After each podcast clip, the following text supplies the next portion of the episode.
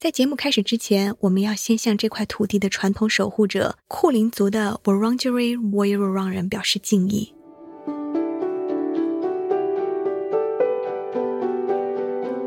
听众朋友，大家好，欢迎收听这一期的 SBS 冥想播客。在接下来的十分钟时间里，让我们一起探索冥想的智慧，感受来自您内心深处的反馈。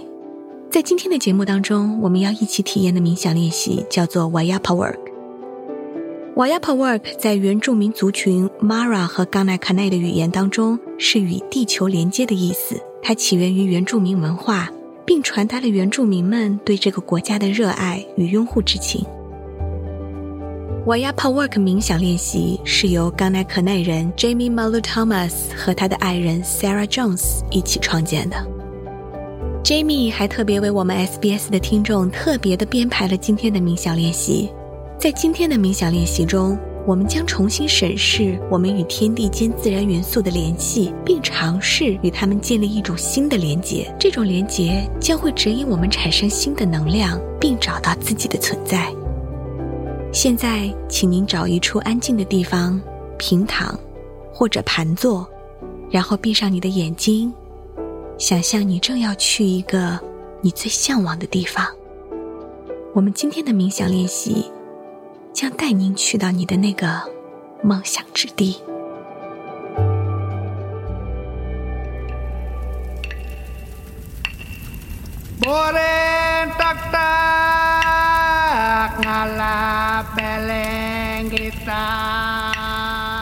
在这个过程中，我希望你能去感恩造物者，无论你对造物者的定义是什么。我们要知道。是造物者赐予了我们一切，我们的所听、所感、所想，都是造物者赐予的。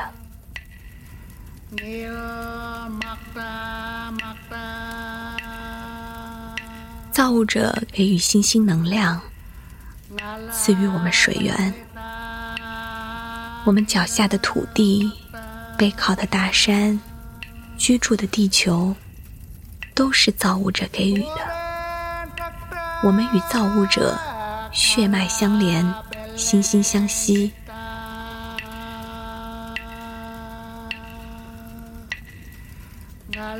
想象你此刻所在的地方，你正对着太阳，你看着太阳从东方升起，它在天空中移动。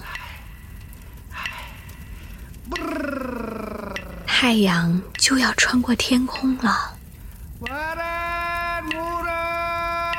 有一束光划破了黑暗，照向了你，这让你觉得很温暖。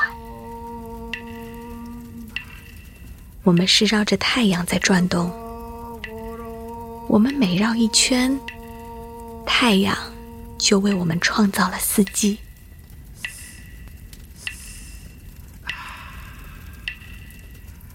下面，我们看到了月亮。想象你此刻所在的地方，正对着月亮。一轮新月从水平面缓缓的升起，慢慢的、渐渐的，变成了一轮满月。月亮影响着地球上所有的潮汐。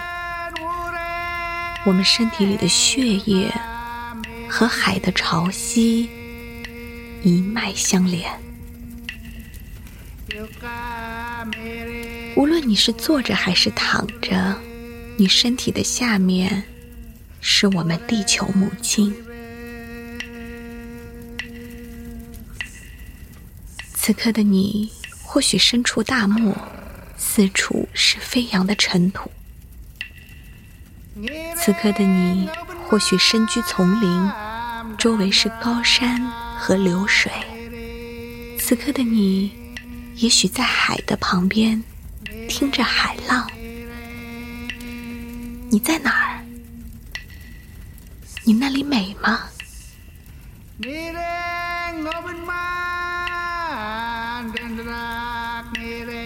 有想过你和雷电的联系吗？那是一股特别的能量。你突然挺直了腰板，因为你看到了一道闪电。闪电是地球母亲的特殊工具。地球母亲用它驱散云里的黑暗，也用它制造特殊的能量。那股能量能让很多的生命复苏，也能让火焰得以燃烧，让万物获得重生。你看到了那道闪电，看着它正在向远处移动。它穿过了那片海，越过了那片沙漠，越过了那座山。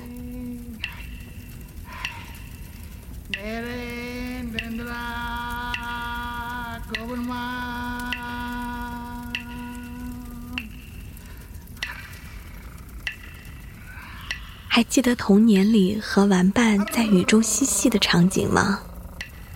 还记得细雨从天上轻轻落下，轻抚你脸颊的感受吗？现在，让我们来重新感受一下雨，好吗？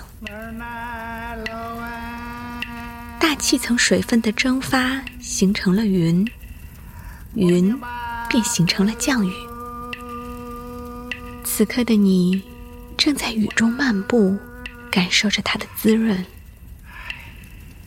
皮肤都被雨水打湿了，但是你觉得很舒服。让我们感恩这场雨好吗？因为它滋润了大地。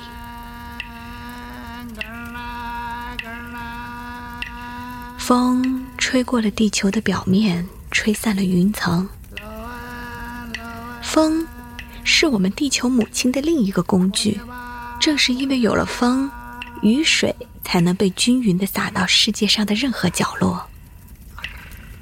风也是植物的播种者，它把花粉带到四方，于是我们有了美丽的世界。你感觉到风了吗？它是否已将你脸上的雨水吹干了？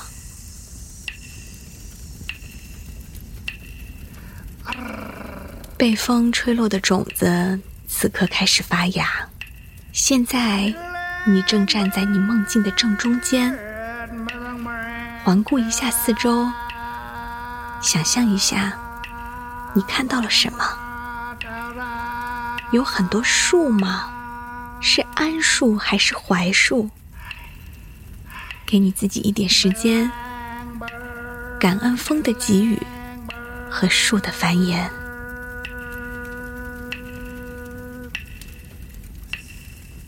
现在，请抬起你的头。下一个与我们连接的元素是空中的飞鸟或飞行的昆虫。想象一下，它们长什么样子？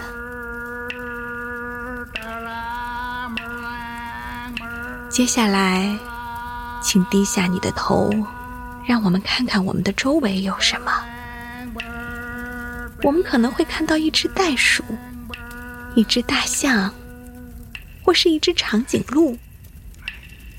它们此刻就在我们的身边。要知道，我们都是平等生活在这个世间的生灵。下一个要和我们连接的元素是水。水是生命的源泉。从微小的浮游生物到偌大的蓝鲸，我们生活的这片土地都是一脉相连。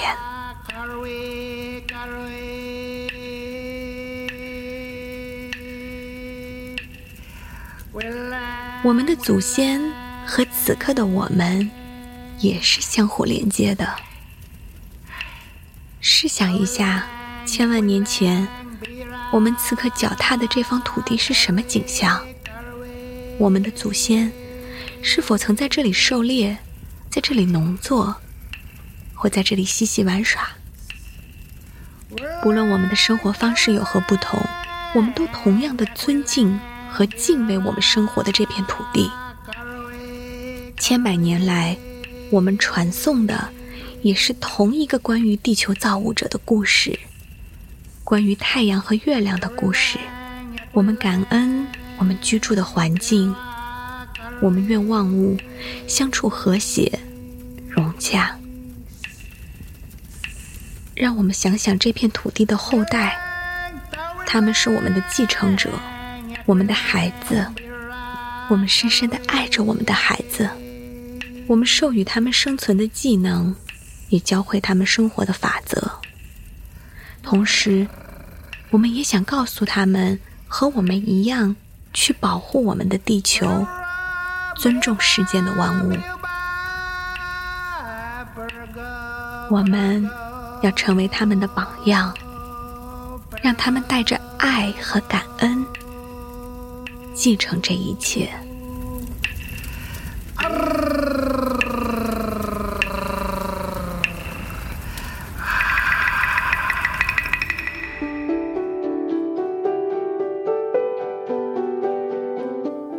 我们的冥想练习就快要结束了。